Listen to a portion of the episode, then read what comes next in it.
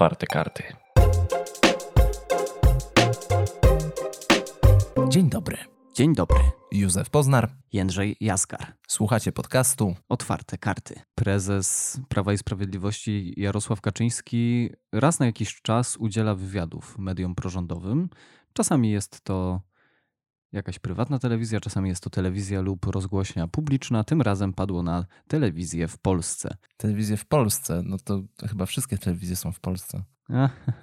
Chodzi o telewizję, która się nazywa w Polsce Józef. Jest to taka telewizja, która jest y, powiązana z y, magazynem w sieci, czy tam w sieci prawdy, czy sieci prawdy, już troszkę się pogubiłem. Znaczy oni byli kiedyś w sieci, a później y, nie mogli używać tego w sieci, więc zostało samo sieci, a projektują swoje okładki tak, żeby zdawało się, że tam jeszcze przed tym sieci jest W, bo zawsze coś to zasłania. Wiem, że był taki moment. A, no to tutaj prezes Jarosław Kaczyński udzielił wywiadu telewizji w Polsce, no i jak zwykle każdy wywiad z prezesem Kaczyńskim jest y, takim oknem które prezes uchyla właśnie, mm, żebyśmy mogli spojrzeć na to, jakie ma zdanie w wielu kwestiach. W kraju, w którym formę rozporządzeń pełnią wpisy na Twitterze oraz konferencje prasowe, odpowiednikiem expose lidera państwa jest właśnie wywiad. Taka nawet dłuższa forma rozmowy z tym, czego możemy się spodziewać po politycznej przyszłości Prawa i Sprawiedliwości.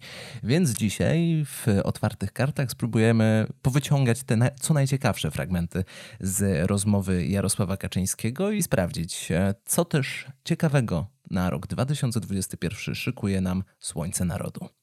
Zapraszamy. Musimy mieć własne media. Media niepolskie powinny być w naszym kraju wyjątkiem, rzadkim wyjątkiem. To jest może niełatwa i na pewno nie krótka droga, ale to jest jedyna droga obrony naszej wolności, suwerenności. Media to jest coś, co można byłoby porównać przynajmniej do znaczących części mózgu i układu nerwowego człowieka. Człowiek, któremu by to odebrano, nie byłby człowiekiem w całym tego słowa znaczeniu. Także naród, któremu to odebrano, jest rzeczywiście w bardzo trudnej sytuacji. Powiedział wicepremier Jarosław Kaczyński na wieść o tym, że grupa Polska Press została przejęta przez spółkę Orlen. No jeśli tutaj pojawiają się porównania mediów do y, układu nerwowego człowieka, no to y, polskie społeczeństwo chyba nie ma zbyt zdrowego tego układu nerwowego, patrząc na stan mediów publicznych, czy też części mediów prywatnych. Tylko nie wiem, Jaki tutaj wpływ na to ma to, czy medium jest polskie, czy nie polskie? Chyba żadne. Wręcz przeciwnie, znaczy wbrew temu chyba, co uważa E, wicepremier, lepiej chyba w Polsce przędą koncerny medialne zagraniczne niż polskie. Telewizja Polska i Polskie Radio to jest taka niesamowita spółka Schrödingera, bo wtedy, gdy PiS jest w opozycji, to wtedy to są media będące własnością Platformy Obywatelskiej, właśnie tych rządzących. Natomiast w sytuacji, w której Prawo i Sprawiedliwość rządzi, to wtedy są to media narodowe. One służą polskiemu interesowi, a nie są w żaden sposób podległe jakiejkolwiek partii, jakiemukolwiek ciału politycznemu. No tak, Józef, bo e, ta narracja, którą buduje Prawo i Sprawiedliwość jest taka, że owszem, może e, w sensie nawet premier, e, wicepremier Gliński to przyznaje w wywiadach, że okej, okay, może publiczne media są trochę zbyt toporne, może ten przekaz jest budowany trochę zbyt radykalnie, no ale to musi być ostra odpowiedź na to, co serwują nam e, media prywatne, czyli na przykład e, Onet, TVN24, na Polsacie chyba aż tak nie, ekipa właśnie. rządząca się nie skupia. Jeśli chodzi o Polsat, to ostatnio był spór, bo to... Yy... Między Kurskim a Dorotą Gawryluk, tak. jeśli dobrze pamiętam. Tam, tam jakieś listy była, wymiana Jacek, korespondencji. Jacek Kurski mówił, że Polsat jest zbyt symetrystyczny i działa na stronę właśnie opozycji. Czyli, że powinien być bardziej prorządowy, dobrze rozumiem? Ja nie staram się zrozumieć Jacka Kurskiego, ale chyba tak o to chodziło. Okej, okay, znaczy Polsat jaki jest, każdy widzi. Polsat jest pierwszym źródłem, do którego będzie się udawał prezydent Andrzej Duda. Większość, o ile nie w sumie wszystkie, te duże wywiady Andrzeja Dudy, no miały miejsce na Polsacie, no i ostatnio nawet na tvn u Krzysztofa Skurzyńskiego. Też był wywiad z panem prezydentem, tak. Także pan prezydent jest raczej otwarty na wszystkie media. Ale wracając już do tematu mediów w ogóle, tutaj pojawia się właśnie taka narracja ze strony Jarosława Kaczyńskiego, że jak media są polskie, to są lepsze. No i tutaj jeszcze właśnie w tym przytoczonym przez ciebie fragmencie y, mówił o wolności, no a w przytoczonym przeze mnie właśnie za chwilę fragmencie kontynuuje tę myśl. Wolność jest dziś w szczególnym zagrożeniu.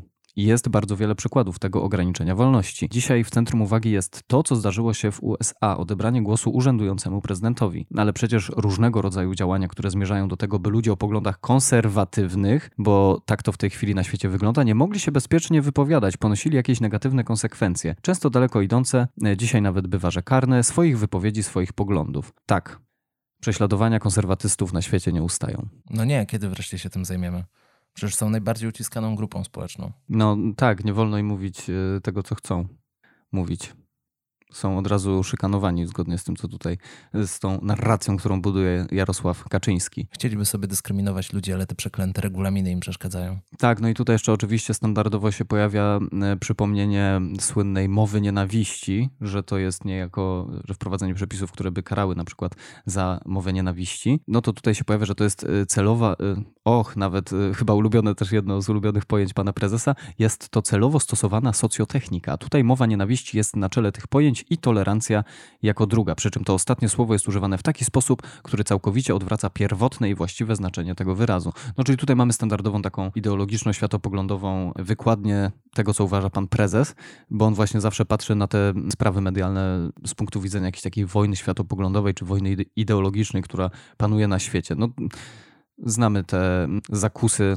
czy wiemy, jak bardzo prezes lubi takie teorie spiskowe. Słynna teoria układu przecież, który rządzi trzecią RP. Co jest ciekawe, to podejście do tej właśnie wolności, o której mówiłeś przed chwilą. Prezes Kaczyński z jednej strony sugeruje, że przyznaje wolność, że potrzebna jest wolność w Polsce, że to jest krok do wolności, czyli nacjonalizacja mediów. Natomiast z drugiej strony mówi, że, tu cytat, proszę zwrócić uwagę na to, że media przejmowane przez Niemców w latach 90. grały ogromną rolę w demoralizowaniu młodzieży najbardziej, można powiedzieć, wulgarnym, prymitywnym. Nie będę opisywał przykładów. To było rzeczywiście szokujące, ale przez cały czas trwało. Co ma na myśli tutaj pan prezes, twoim zdaniem? Te takie listy, które nastolatkowie niby pisali do Brawo i tam odpowiadano im na różne tematy związane z e, życiem seksualnym na przykład, że to była ta demoralizacja? Czy może chodzi o jakieś wyuzdane teledyski na MTV? Może na MTV właśnie też myślę, albo y, ten RTL 7 i tam właśnie jakieś Dragon Ball Z, tak?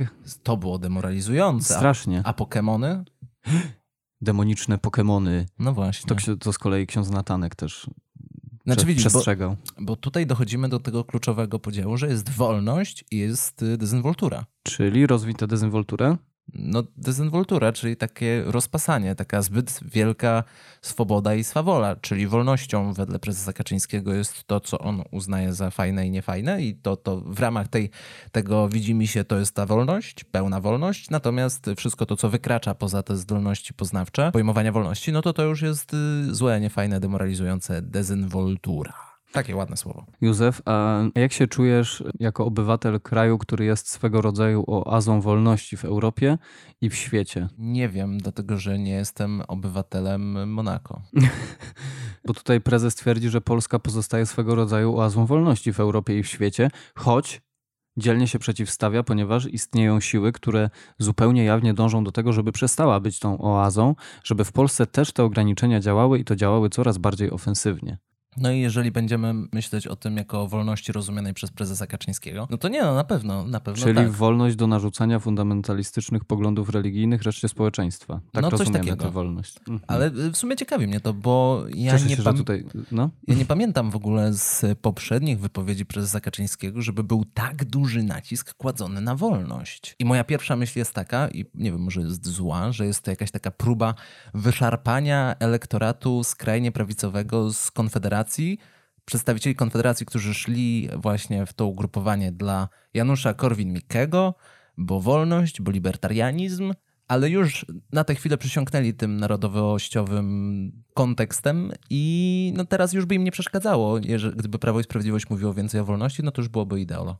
Znaczy, hmm, to jest w ogóle ciekawe spostrzeżenie, bo wyborcy Konfederacji w ogóle mają chyba problem z pojmowaniem wolności w taki sposób, że y, postrzegają wolność tylko w kwestiach, y, w, po, po, postrzegają wolność tylko w wymiarze gospodarczym, pozostawiając niejednokrotnie państwu pełną swobodę co do kreowania wolności światopoglądowej czy uwarunkowań y, prawnych właśnie związanych z wolnością światopoglądową. No czyli właśnie na przykład prawo do aborcji, czy związki partnerskie, czy małżeństwa jednopłciowe, czy adopcja przez takie małżeństwa dzieci. E, także tak, no, Konfederacja potrafi rozumieć wolność w sposób przeinaczony, czy w, w, w wymiarze niepełnym, tak Także nie dziwię się, że może to być też do nich skierowany taki przekaz kreowany przez Kaczyńskiego. Co więcej, e, prezes Kaczyński nie poprzestaje tylko na słowie wolność i na przeinaczaniu znaczenia słowa wolność, ponieważ też bierze na tapet słowo lewactwo. I tutaj muszę przyznać, że trochę mnie to smuci, bo myślałem, że to są tylko jednorazowe wybryki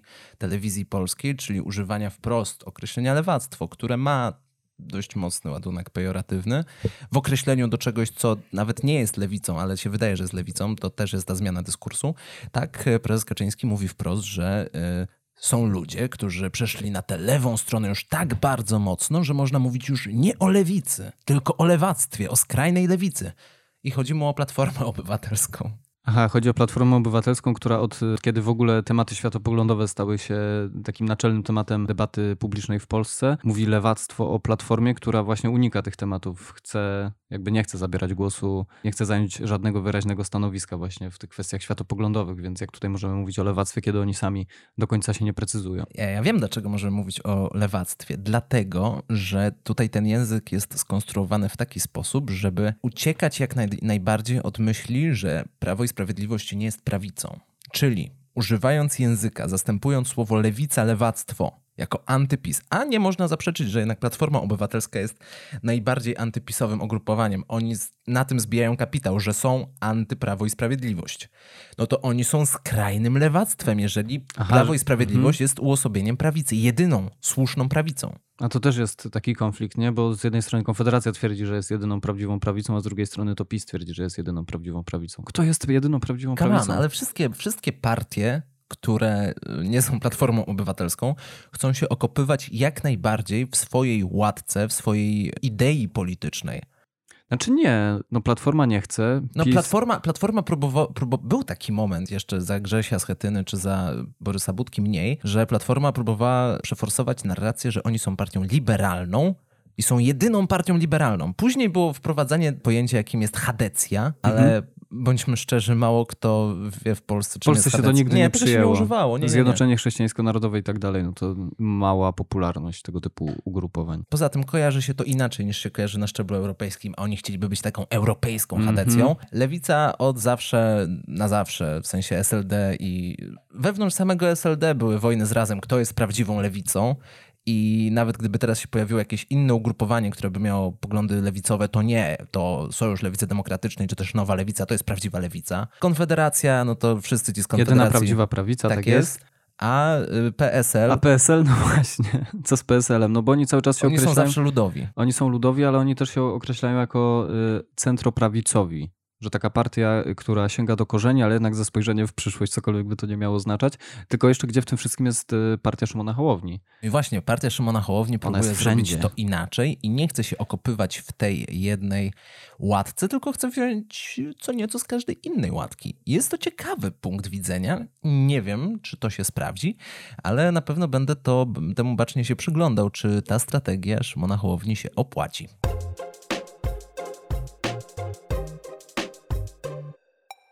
No bo jeżeli przejęcie Polski Press przez Orlen to była jedna z najlepszych wiadomości, jaką Jarosław Kaczyński usłyszał w ciągu ostatnich lat, no to dobrze, że on nie, nie bierze pod uwagę na przykład, nie wiem, zwycięstwa w wyborach prezydenckich, w parlamentarnych, w europarlamentarnych. No, jest miliard innych wiadomości, które mogłyby być najlepszą w ciągu lat. Ale właśnie przejęcie Polski Press dzieło Daniela Obajtka, no to myślę, że w jakichś takich rankingach wewnętrznych prezesa Kaczyńskiego Daniel Obajtek wysuwa się na nie wiem, czy na prowadzenie, ale na pewno już odjechał peletonowi. No, takich ciepłych słów to chyba prezes Kaczyński nie wypowiadał pod niczyim adresem w ciągu ostatniego roku chyba.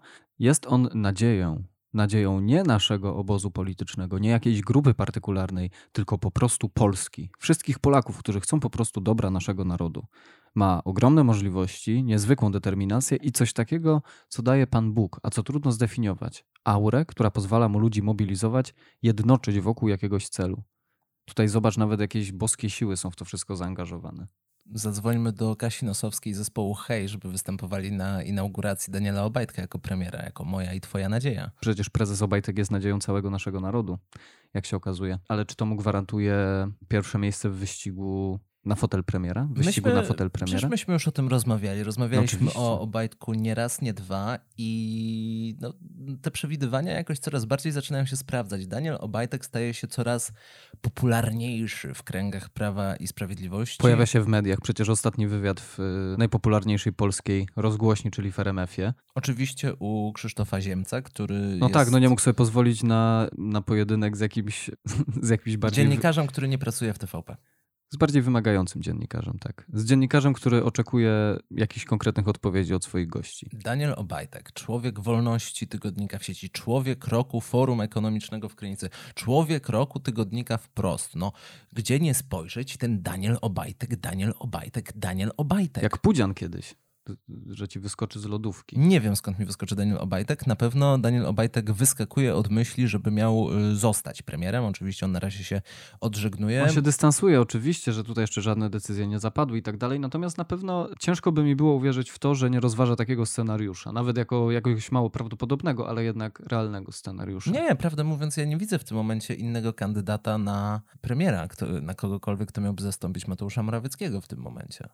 Oprócz tak, Obajtka. Oprócz Obajtka. No tak jak mówiliśmy jeszcze wcześniej, że może Mariusz Błaszczak, że może, nie wiem, Joachim Rudziński przyjedzie na białym koniu czy coś. Nie, nie, nie. To oni w porównaniu z Danielem Obajtkiem to bledną całkowicie. Daniel Obajtek mówi, że nie wybiera się na żadne inne stanowisko, woli myśleć o tym, co robi, bo tu, czyli w Orlenie, może również pomóc ojczyźnie, a jemu chodzi na, o pomaganiu ojczyźnie. I też y, zauważyłem, że on, nie wiem na ile to jest przypadkowe. Wydaje mi się, że Daniel Obajtek nie miał tak wielu różnych różnych okazji, żeby przemawiać publicznie. Na pewno nie ma takiego doświadczenia jak Mateusz Morawiecki. Z drugiej strony Mateusz Morawiecki... W przemawianiu? W przemawianiu na forum szeroko, gdzieś tam w wywiadach, ale też y, w wystąpieniach publicznych. Z kolei Mateusz Morawiecki też, zanim wszedł do rządu, nie miał takiego doświadczenia, ale na co chciałem zwrócić uwagę, to to, że Daniel Obajtek świadomie bądź nie trochę przejmuje manieryzmy mówienia, a raczej konstrukcję zdań w mówieniu od Jarosława Kaczyńskiego. Jestem w biznesie, budujemy duży biznes. Ten biznes musi mieć pewną ciągłość przy tak poważnych decyzjach. Podkreślanie cały czas jednej frazy, trzymanie się jej kurczowo i wykręcanie jakiegokolwiek zadanego pytania. Bo oczywiście Jarosław Kaczyński już nie jest w tej sytuacji, kiedy musi odpowiadać na trudne pytania, ale pamiętam jeszcze te czasy, gdy musiał, pamiętam te czasy, gdy występował publicznie, czy to przy miesięcznicach, czy tak, zawsze kręcisz się wokół tej jednej kwestii i w razie czego, jak już gdzieś się za, zagalopujesz, wracasz do tego. Tutaj w tym wypadku jest to biznes, tutaj w tym wypadku jest to pomoc ojczyźnie. Polska, jej przyszłość. Tak, tak, tak, tak, tak, dokładnie to. Więc może to też jest obliczone, żeby zapunktować u prezesa, że nie wiem, prezes Kaczyński sobie siedzi w domu i pomyśli, o, lepiej bym tego nie powiedział ja. Nie powiedziałbym tego lepiej, Daniel. No nie ulega wątpliwości, że na pewno Daniel Obajtek jest osobą, której warto się przyglądać w 2021 roku, ponieważ y, może stać się jedną z najjaśniejszych gwiazd na politycznym firmamencie naszego kraju. Nie widzę sensu, żeby jeszcze bardziej no właśnie, nie... rozwlekać ten temat Daniela Obajtka. Ważne jest to, że Daniel Obajtek też już nagle orbituje w sposób dość jasny w orbicie prezesa Kaczyńskiego. Sam podkreśla, że nie ma, nie ma między nim a Mateuszem Morawieckim jakiegokolwiek konfliktu. No ale w sumie na jego miejscu powiedziałbym dokładnie to samo. Żeby każdy, kto podniesie rękę na wolność, wiedział, że poniesie konsekwencje. To także Jarosław Kaczyński i naprawdę jestem w szoku, w szoku, żeby ten zwrot retoryczny, każdy, kto podniesie rękę, dalej jest używany w polskiej polityce. Jestem zdumiony. Przecież skojarzenia z premierem Cyrankiewiczem, który mówi o podniesieniu rękę na władzę ludową i obcięciu tej ręki, jest to zbyt oczywiste. Tym niemniej ta wypowiedź Jarosława Kaczyńskiego najbardziej zaniepokoiła publicystów i obserwatorów sceny politycznej, ponieważ ona zdaje się sygnalizować w sposób dość jasny, że nadchodzą nowe porządki. Nowe porządki, czyli jakieś nowe represje, bo ja też y, czytałem, że zapowiada się w końcu ta ofensywa programowa, ta, która miała być jesienno-zimową ofensywą programową. A nie, no bo jeszcze mamy zimę, no to jeszcze czas na jakieś nowe rozwiązania. Bo też przecież wicepremier Kaczyński zapowiadał. I jestem ciekaw, czegoż do nowego się dowiemy na tej e, ofensywie programowej. Może Jak jakaś nowa piątka dla zwierząt będzie, co? Może piątka dla mediów. Oho. Nie wiem. Można z tego wywiadu się także dowiedzieć, że oczywiście Platforma Obywatelska, czyli to skrajne lewactwo, jak już mówiliśmy wcześniej, posiada pełnię władzy, praktycznie pełnię władzy. Tutaj cytat. Już nie mówię o jej wpływie na władzę sądowniczą, mówię po prostu o samorządach, ale także o samorządach korporacyjnych, w szczególności samorządach uczelni tutaj takich aktów skierowanych przeciwko wolności jest już sporo. Coś ostatnio chodzi właśnie prezesowi o tą wolność na uczelniach. Chyba się zorientował, że rektorzy wyższych uczelni mają zapewnioną autonomię, a to tak nie może być, żeby... Żeby, żeby byli autonomiczni. No nie może tak być, no bo to jest władza... Pamiętaj, że każda autonomia od władzy Prawa i Sprawiedliwości to jest władza Platformy Obywatelskiej. Ja tak to rozumiem. No bo taka jest chyba też narracja, którą usiłuje tutaj forsować premier Kaczyński. No, mnie to w ogóle nie dziwi, tylko jestem ciekaw, jak długo... To jest straszne, że nas to nie dziwi. To jest straszne, że nas to nie oburza. My już mamy takie, a, prezes, Kaczy... prezes Kaczyński, jak to prezes Kaczyński. To, to powinno być bulwersujące. No ale prezes Kaczyński już jest chyba traktowany przez większość obywateli może jak taki trochę mało interesujący czy mało ciekawy akcent na jakichś e, rodzinnych imprezach w stylu jakiegoś wujka, który po prostu gada czasami jakieś bzdury, no ale no okej, okay, zawsze się pojawia i trzeba to jakoś tam znosić. Myślę, że taką rolę pełni obecnie e, w Polsce Jarosław Kaczyński. Pierwsza osoba w państwie, żebyśmy mieli jasność. Owszem. Przynajmniej nieoficjalnie. Ale my tutaj właśnie o wolnościach, o wolności na uczelni, o wolności takiej śmakiej i owakiej, a nie no, to tak troszkę zabrzmiało, jakbym do wolności podchodził, jakby to nie było coś ważnego. Wolność Przecież jest... ty wolność kochasz i rozumiesz. No właśnie. Wolności oddać nie umiesz. Tak, no, natomiast odmieniliśmy tutaj wolność za prezesem Kaczyńskim przez wszystkie przypadki. To przejdźmy może do organu, który się zajmuje na chyba najwyższym szczeblu naszymi wolnościami i prawami, nas jako ludzi. Mówimy tutaj o Europejskim Trybunale Praw Człowieka. Poznaliśmy nazwiska y, kandydatów y, polskiego rządu na kolejną kadencję y, polskiego sędziego w Europejskim Trybunale Praw Człowieka. Nazwisko Aleksander Stępkowski oraz Elżbieta Karska szerokiemu gronu mogą nie mówić zbyt wiele, natomiast jeżeli doda się funkcję pana i pani, którzy zostali kandydatami Polski do Europejskiego Trybunału Praw Człowieka na sędziów, no to wtedy zaczyna się robić ciekawie, ponieważ Elżbieta Karska jest e, profesorem na Uniwersytecie Kardynała Stefana Wyszyńskiego, a zupełnie prywatnie żoną posła Prawa i Sprawiedliwości. Natomiast Aleksander Stępkowski to przede wszystkim prawnik znany jako założyciel organizacji Ordo Juris. Czyli tej organizacji, która się zajmuje krzewieniem fundamentalistycznie religijnego światopoglądu na ziemiach polskich. Tej organizacji, która skutecznie i konsekwentnie zajmuje się wykręcaniem okna Overtona na prawą stronę. Nie ma takiego prawicowego pomysłu, który nie byłby jeszcze bardziej wykręcony do ekstremum przez Ordo Juris. Ale przecież oni nie chcą zakazywać rozwodów. To tylko przez moment miał być temat jakiejś tam konwencji. No zawsze tego typu Panie tłumaczenia dzieju, się spotyka. Wszystko w swoim czasie. Po kolei musimy się zająć sprawami. Najpierw zakażemy aborcji do reszty, a później możemy się brać za zakazy rozwodów. Tak mam to rozumieć, Józef? Dlaczego te rzeczy są Dlaczego to jest interesujące? Po pierwsze, dalej nie mamy wybranego kandydata, czy też nowego rzecznika praw obywatelskich w Polsce. Prawo i Sprawiedliwość przeforsowało swojego kandydata Piotra Wawrzyka przez Sejm. Myślę, że większych szans na to, żeby przeszedł przez Senat nie ma, ale kto wie, może mnie to zaskoczy całkowicie. No to już teraz biorą się za kolejny urząd, gdzie dobrze by było mieć osobę, która jest o najwyższym poziomie moralnym i posiadać kwalifikacje do sprawowania wysokiego urzędu sędziowskiego albo być prawnikami o uznanej kompetencji. To artykuł 21 yy, dotyczący Europejskiego Trybunału Praw Człowieka. No jeżeli uznamy, że najwyższy poziom moralny to religijny fanatyzm, okej, okay. tutaj zdecydowanie.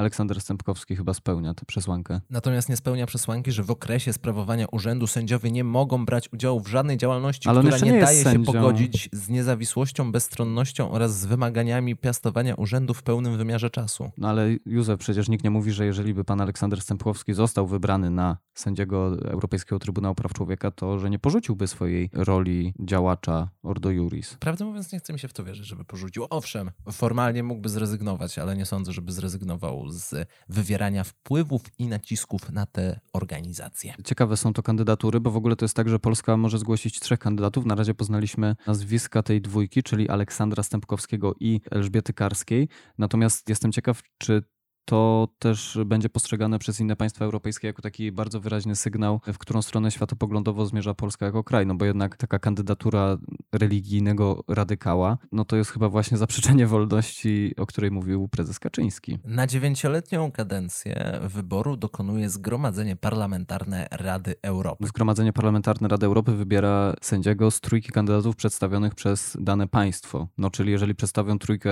kandydatów skrajnych, no to ten, który będzie miał najwięcej głosów głosów z tej trójki przejdzie. Wiele bardziej byłbym spokojny z kandydaturą Elżbiety Karskiej No niż tak, z kandydaturą Aleksandra Stępkowskiego. Nie wiem, jako trzecie, trzecią osobę mogą wybrać Zbigniewa Ziobrę, no czemu by nie? Nie, no bez przesady. Do tego się nie posunął Józef. Tak czy siak, wysunięcie kandydatury Aleksandra Stępkowskiego moim zdaniem pokazuje też, jak bardzo są legitymizowane i uznawane za normalne poglądy prezentowane przez właśnie tak skrajnie fundamentalistyczną organizację jak Ordo Juris. Także nie wiem, czy to jest tendencja, którą się powinniśmy cieszyć, zwłaszcza w, tym, w tej atmosferze konfliktu światopoglądowego, czy jak to nazywa profesor Dudek, zimnej wojny światopoglądowej, która ma obecnie miejsce w Polsce. No tutaj jest jawne opowiedzenie się rządzących po tej stronie bardzo radykalnej, konserwatywnej, no i oczywiście takiej, która chce narzucić porządek moralny, religijny społeczeństwu, które niekoniecznie musi się identyfikować z danym wyznaniem. Jeżeli według profesora Dudka jesteśmy w trakcie zimnej wojny ideologicznej, to mam wrażenie, że ostatnie parę miesięcy to jest ewidentny kryzys kubański w tej zimnej ideologicznej wojnie. Ale przewidujesz, że tutaj się coś zaogni, że przejdziemy do regularnej wojny?